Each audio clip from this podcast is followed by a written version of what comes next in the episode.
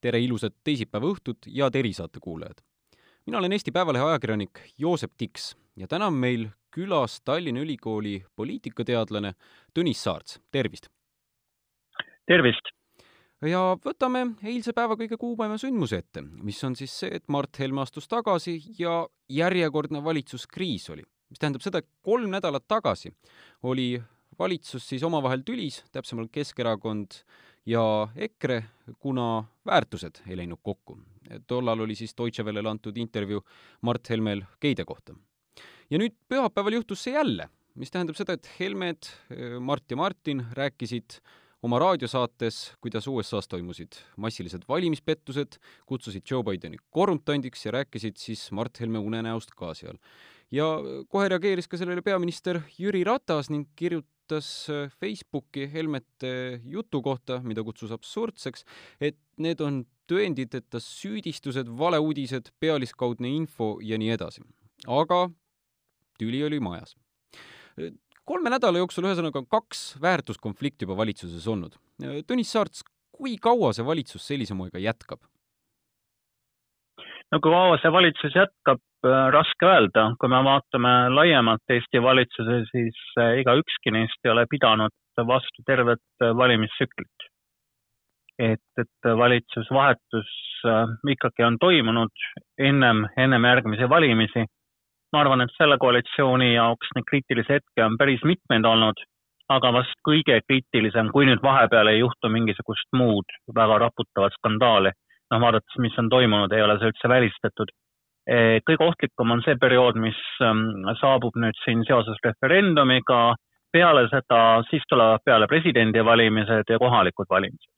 et kui selle aasta lõpuks on see koalitsioon veel olemas, ma usun, et äh, nad mitte selle aasta, vaid järgmise aasta lõpuks, vabandust hmm., järgmise aasta lõpuks on see koalitsioon veel olemas, siis, siis ma arvan, et nad võivad ennast õnnitleda, sest üldiselt eriti just ähm, kohalikud valimised ja, ja iseäranis presidendivalimised on olnud äh, kõikidele valitsuskoalitsioonidele Eestis päris ohtlik aeg.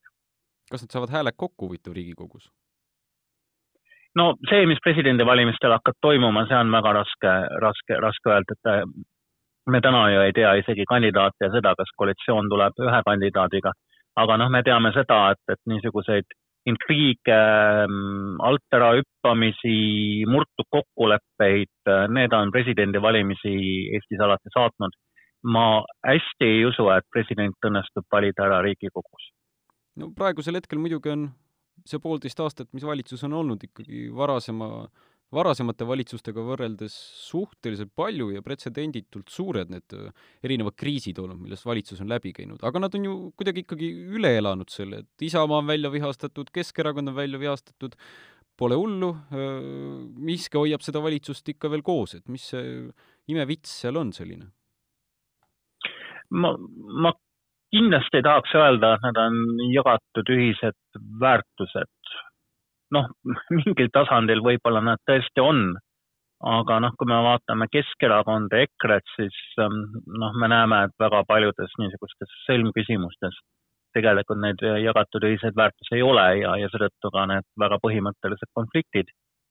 aga seda valitsust hoiab koos ennekõike tunnetus, et ähm, alternatiive ei ole või kui neid alternatiive valida, siis ei olda kindlad, kas, kas need alternatiivid siiski töötavad sest äh, noh, kui see nüüd lahti seletada, siis ähm, kui see valitsus peaks lagunema, siis on ju võimalus, et Reformierakond teeb äh, uue koalitsiooni Keskerakonnaga ja siis ei ole vaja sinna juurde enam Isamaad. ja Isamaa kindlasti ei soovi koos EKRE-ga langeda opositsiooni. see oleks neile juba eksistentsiaalne oht. nii et seetõttu nad peavad väga kinni hoidma sellest kombinatsioonist, mis praegu on aga on ka võimalik eh, see, et Reformierakond annab lubadusi Keskerakonnale, aga lõpuks teeb ikkagi koalitsiooni sotside ja, ja, ja Isamaaga. Eh, ma hästi ei usu, et Reformierakond teeks EKRE-ga, vähemalt praeguses seisus. nii et noh, nii Keskerakond kui, kui Isamaa teab, et, et kui Reformierakond saab jälle selleks erakonnaks, kes hakkab siin jagama ja valitsema, tal on mänguruum palju suurem kui, kui neil mõlemal äh, teisel parteil, EKRE-l ja, vabandust, Keskerakonnal, Isamaal, siis, siis on võimalik, et üks neist, kas siis Keskerakond või Isamaa, saavad petetud. ja ei ole ka üldse välistatud see variant, et näiteks Reformierakond ja Keskerakond teevad koalitsiooni. Äh, aga me teame ju Reformierakonna käitumist varasemast ajast, kust kui neile ei sobi ennem valimisi, nad kergitavad kaabut ja jätavad Keskerakonna jälle külma kätte. nii et see noh, usaldamatus Reformierakonna suhtes, mis on nüüd aasta, noh, ma ütleksin isegi aastakümnetega tekkinud, vaadates nende käitumist koalitsioonides ja seda, kuidas nad partner, oma partneritesse on suhtunud, ma, ma arvan, et see on ilmselt üks, üks võti, mis, mis tekitab tunde, et isegi kui väärtusel alustel võiks Reformierakonnaga koostööd teha, siis niisugusel taktikalisel alusel neid ei usaldata, sest vastasel juhul see koalitsioon muidu nii pikalt koos ei oleks püsinud. Need kaks kriisi muidugi on siin nüüd olnud ühe ministri, Mart Helme isiku probleem, et nüüd, kus ta astus tagasi eile, kas see tõi valitsusele leevendust nüüd pikemaks ajaks, et enam ei pea tegelema iga päev või iga nädal mingite sõnade klattimisega või on see ajutine lahendus? no ma arvan, et, et kogu see kriis näitas võib-olla kahte-kolme olulist asja. et üks, üks oli see, et, et tõepoolest ilmselt Mart Helme taandumisega see koalitsioon noh, muutus mõnevõrra kindlamaks selles suhtes, et teada on, et Äh, Martin Helme, kuigi tal on ka väga värvikad väljaütlemised ja tihtipeale radikaalsed seisukohad, siis ta valib sõnu. ja, ja ma tema väljaütlemiste suhtes praegu ühtegi repliigiskandaali nagu ei mäleta, et kõik on tulnud siiski tema, tema isa kaudu.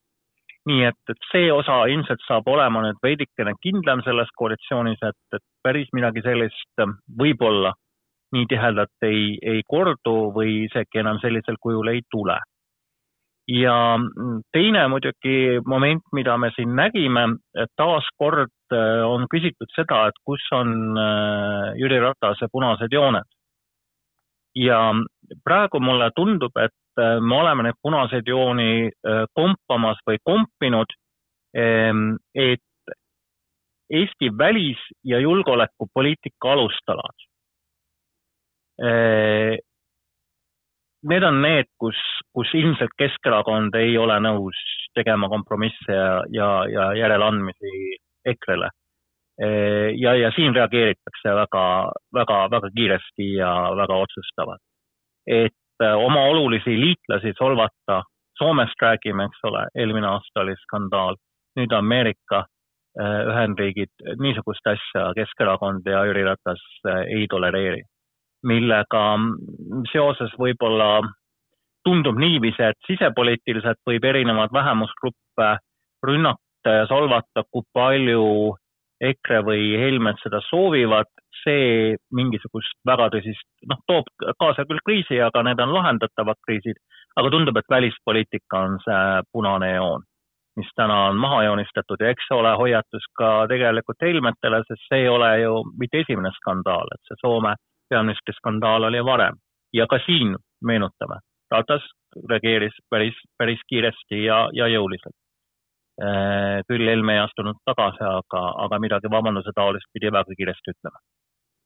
aga eile oli siis seega selline, ütleme, viimane piir käes, aga ähm, miks ma, mulle natukene võib-olla Eesti mõttes see tundus kummaline, oli see, et äh, ei olnud ju üks Helme, kes raadiosaates äh, Äh, neid asju ütles, vaid oli ka Martin Helme, äh, kes ütles, et USA valimised olid võltsitud ja selles pole küsimustki.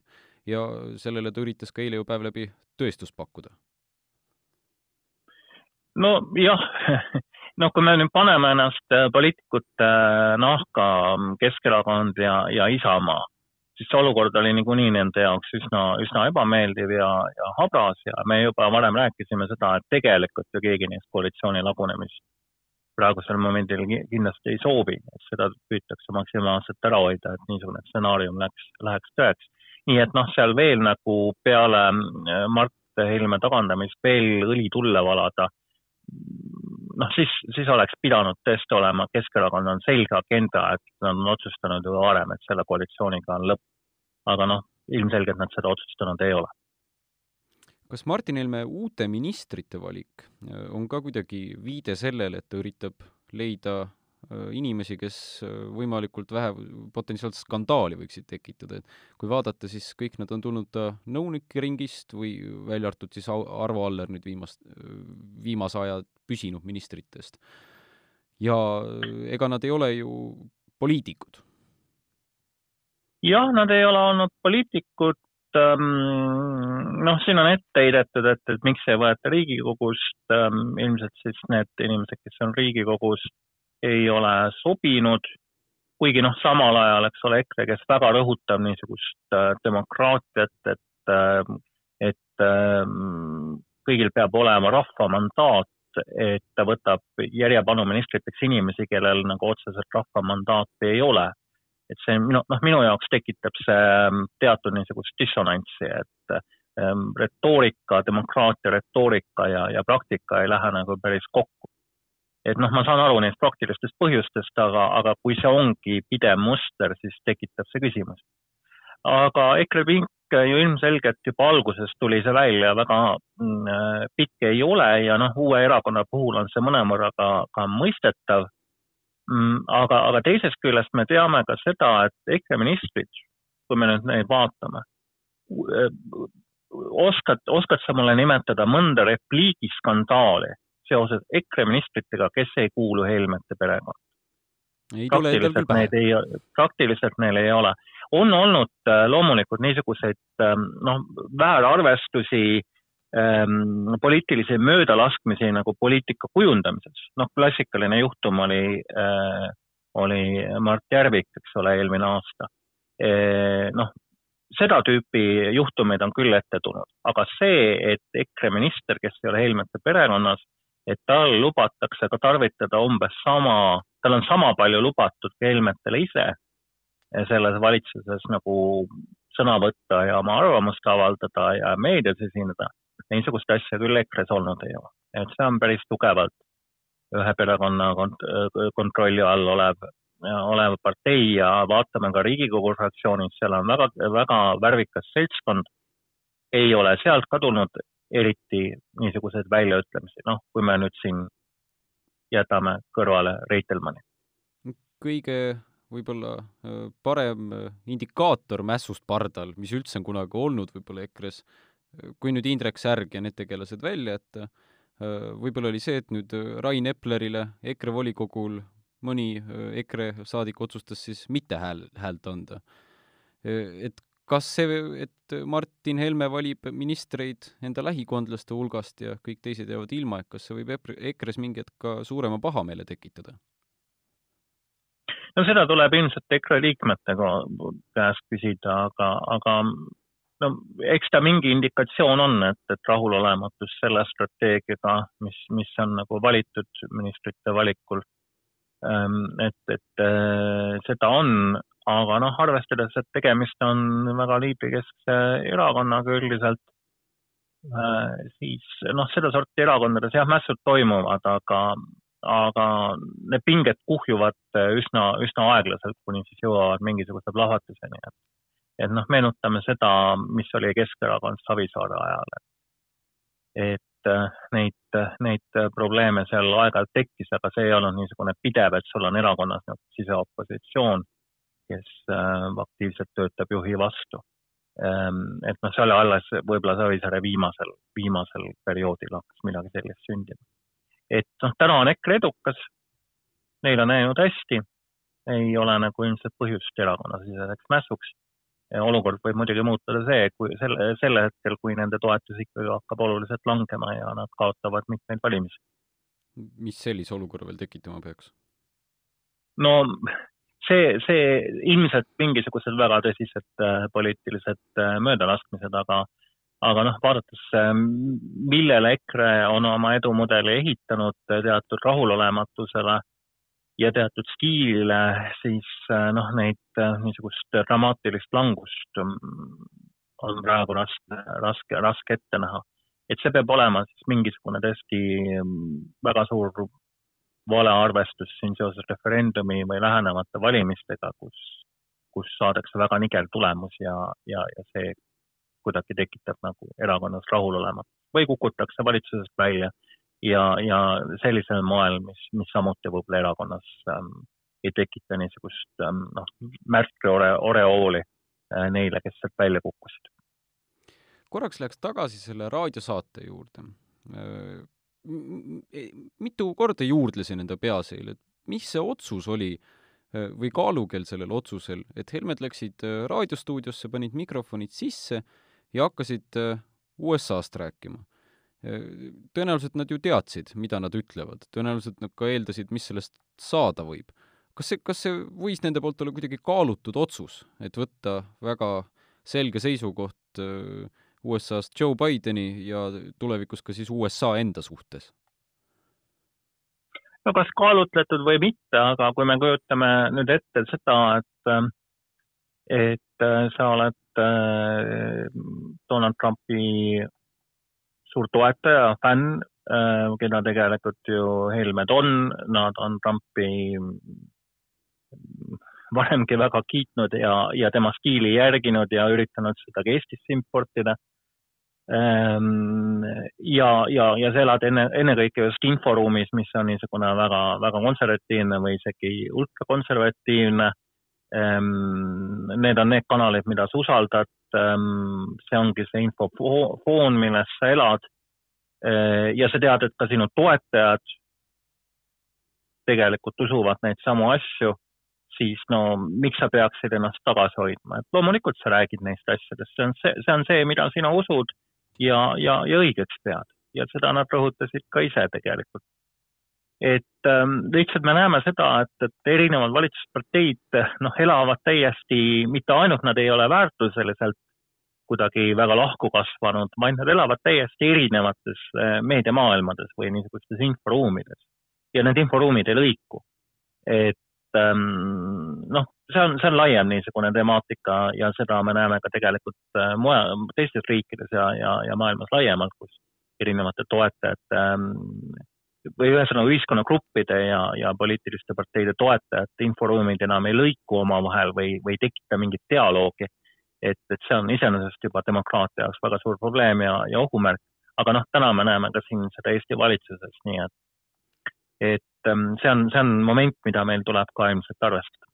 Siin, kui eile Helmed ütlesid, et neid äh, uudiseid või lugusid äh, USA valimiste pettustest tuleb lugeda õigetest uudistekanalitest, siis paljud ka küsisid, et äh, mis need õiged kanalid siis täpsemalt on ja see jäi kuidagi eile vastuseta. ning täna ma uutest uudistest EKRE häälekandjast siis lugesin, et see õige info tuleb kanalist RT, mis on siis Russia Today ja ma, ma, ma nüüd kindlasti on ju, jätan selle õhku ja liialdan võib-olla selle puhul, aga, aga siin ka Kremli äh, telekanal äh, viitas Mart Helme tagasiastumisele ja kasutas väga osavalt tema sõnu siis ka äh, Venemaa jutupunktides, et küsides, et miks, kasutades Mart Helme sõnu, et miks siis Venemaa puhul ei ole lubatud see, mis on USA puhul lubatud, viidates taaskord siis sellele valimispettusele, on ju et kas need Kremli jutupunktid käivad EKRE-ga kuidagi väga üht, ühte jalga? No seda ma nüüd ei julgeks öelda, et, et EKRE neid, neid äh, järgib, aga, aga noh, me teame, et väga paljud ähm, olulised äh, seisukohad ja väärtused, mida esindab äh, EKRE Eestis, aga ka mitmed teised äh, niisugused ähm, paremradikaalsed populistlikud, populistlikud erakonnad üle Euroopa ei ole väga kaugel sellest, mida tegelikult äh, räägib ka Venemaa meedia ja milliseid väärtusi nemad siis üritavad nagu juurutada. et seal on kattuvust väga palju ja kasvõi see, ütleme, Euroopa Liidu skeptilisus ja, ja vastasus või see jutt, et äh, lääne tsivilisatsioon on allakäigutrepil tänu liberaalsetele väärtustele ja nii edasi nii edasi ja jutud siin gei Euroopast ja, ja mida iganes. Et äh, see on, see on kõik ju, ju ammu juba teada, et, et siin on väga palju kattuvust. aga noh, nii kaugele ma muidugi ei, ei lähe, sest mingit tõendeid mul ei ole äh, ütlemaks, et, ähm, et see on nüüd see, see niisugune info, infovoog, mida siis ilmed üritavad nagu järgida ja, ja, ja, ja selle järgi juhinduda. iseenesest oleks Vene valijad püüda neile ju täiesti kasulik laiendada oma valijaskonda selle pealt, et kui Helme oli Deutsche Wellele selle intervjuu vene keeles ära andnud, siis Urmas Reitelmanni Facebooki sein jagas seda viidet ja kirjutas kolmkümmend tuhat vene häält nojah, et, et see on nagu niisugune laiem temaatika ja, ja ma usun, et me tuleme selle teema juurde siin lähitulevikus ka Eestis tagasi. et äh, just äh, täna ma kirjutasin äh, ühe artikli, avaldasin teie konkureerivas väljaandes Postimees, hm. mis räägibki neist suurerakondade dilemmadest ja seal on Keskerakonnast, Reformierakonnast juttu, aga Keskerakonnaga seoses ma tõingi välja selle, et, et see lõhe niisuguse nooremapoolse liberaalse juhtumiku äh, vahel ju-, ju-, ühesõnaga lõhe, kus ühel pool on niisugune noorem liberaalsem juhtumik Keskerakonnas, kus tegelikult ka suhteliselt liberaalsetel Euroopa-meelsetel seisukohtadel on ju Vene, Vene tiiva esindajad, ennekõike Kõlvart ja, ja, ja Toom. Ehm, ja teisel küljel, teisel poolel on siis suhteliselt niisugused konservatiivsed valijad, kes oma, oma väärtuspildilt on, on üsna lähedased EKRE-le. Et, et seal tekib ilmselge dissonants ja, ja, ja mida ek, enam EKRE erinevatel teemadel, mis kuidagi Keskerakonnale ja, ja Vene tiivale, nende eeskõnelejatele ebamugavad on, sõna võtab, ta ilmselgemaks see dissonants hakkab muutuma. et noh, Vene valija lõpuks küsib, et, et kes on siis see partei, kes seisab meie väärtuste eest Ehm, noh, vähemalt siis konservatiivsem osa Vene elanikkonnast, sellepärast et ma kindlasti ei tahaks nüüd väita, et Vene elanikkond on üks monoliitne äh,, monoliitne valijasgrupp, kes, kes, kellel on kõik, kõigil ühesugused nagu arusaamad, aga, aga niisugune konservatiivse Vene tuumikvalija ilmselt oma väärtustelt on EKRE-le täna lähemal, kui ta on lähemal Keskerakonnale, eriti vaadates seda, mida Keskerakond räägib valitsuses, et kui nad olid, oli Savisaare aeg, siis ehm, noh, seda dissonantsi ei tekkinud, sellepärast et Keskerakond rääkiski seda juttu, mida Vene, konservatiivne Vene valija sai jälgida ka Vene kanalitest. täna räägib seda juttu põhiliselt EKRE.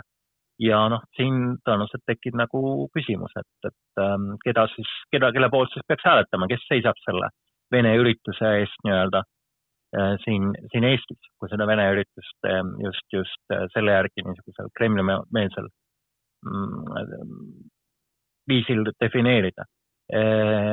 ja ma usun, et EKRE liidrid teevad seda täiesti teadlikult ja ausalt öeldes see on väga tark strateegia, sest tõenäoliselt nad on taibanud, et Eesti valijaskonnas suuri rühmi enda poole meelitada ja ületada see kahekümne viie või kolmekümne protsendi piir, kus juba noh, nende koalitsioonist välja tõrjumine või koalitsioonidest välja jätmine muutub juba väga keeruliseks et see piir saavutada, eh, siis Eesti valijatest ainult ei piisa. sinna on vaja ennekõike Vene valijad tuua. ja noh, selle nimel nad töötavad, see on väga tark ja õige strateegia selles suhtes, kui vaadata taktikaliselt. kas see koalitsioonikaaslasi murelikuks ei tee või, või noh, seal on ju kaks varianti, et üks on see, et hoida külje all ja nii-öelda äh, Äh, ära kallistada, äh, mis vist ei paista töötavat, teine variant on opositsiooni saata, aga ma ei tea, kas EKRE koguks endiselt neid hääli edasi ju ka opositsioonist?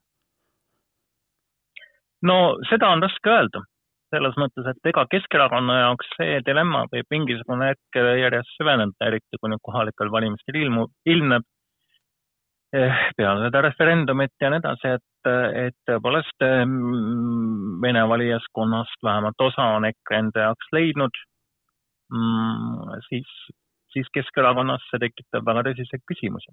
aga ma ei ole sada protsenti ka kindel, et EKRE suudab seda välja mängida, sest nende Eesti valijaskonnas on jälle niisugused valijarühmi, kes pigem enne kui siin kohalikke valimisi tahaksid kuulata niisugust klassikalist äh, Äh, Vene-vastast Eesti rahvusluse juttu. Ehm, et, et ma ei tea, kuidas Helmed seal žonglöörivad sel juhul selle kahe kogukonna vahel, pakkudes nagu kummagile meelepärast. kas see on võimatu või? sest võib ju ühes no see võib olla mõnevõrra keeruline. nojah, aga seda Keskerakond on üritanud, et erinevates kanalites räägitakse erinevat, täiesti erinevat juttu, aga mingi hetk tuleb ju see välja. nii et ähm, see see võib olla probleemne, jah. milline, kui, kui nüüd praeguste kaartidega ennustada, et järgmised Riigikogu valimised, kes sealt võitjana võib välja tulla? no seda on täna raske prognoosida. et äh, ikkagi äh, kolm aastat, noh, päris kolm ei ole, aga veidikene vähem, mis on selleni, on poliitikas pikk aeg jõujooned võivad, võivad äh, muutuda. Mm, ilmselt teatud nihkeid toob ennekõike äh, siin referendum järgmine aasta, kohalikud valimised, presidendivalimised. Ehm, noh, mul on küll raske uskuda seda, et ähm, tänased kaks juhtparteid nüüd ähm, sammuvad all, alla, allakäigutrepil ja, ja, ja tõenäoliselt ei ole need, kes, kes kõige rohkem hääli saavad, ma mõtlen Keskerakond ja Reformierakond. aga noh, päris sada protsenti seda stsenaariumit muidugi välistada ei saa. ja meil on lisaks veel ka ju koroonakriis, meil on majanduskriis, selle järelmeid me veel täna võib-olla nii tugevalt ei tunne ja adu need ühiskonnarühmad, kes, kes siin saavad kannatada või jäävad kaotajaks, millised nende valikud on ja millised meeleolud ühiskonnas ähm, selle kriisi järel tulevad, kui sügav see kriis saab olema. et äh, seda on täna raske, raske prognoosida, nii et seda majanduskriisi aspekti ma ka sugugi ei, ei unustaks, kui me räägime, räägime parteidest ja, ja, ja nende seisukohtadest ja mida keegi ütleb või, või millised skandaalid on. et, et see kahtlemata mingil määral võib mõjutada, aga see laiem foon, majandus ja nii edasi on väga olulise mõjuga. siinkohal panekski punkti. tänan teid, Tõnis Saarts, et olite meil saates, tänan põneva vestluse eest ja tänaks ka erisaate kuulajaid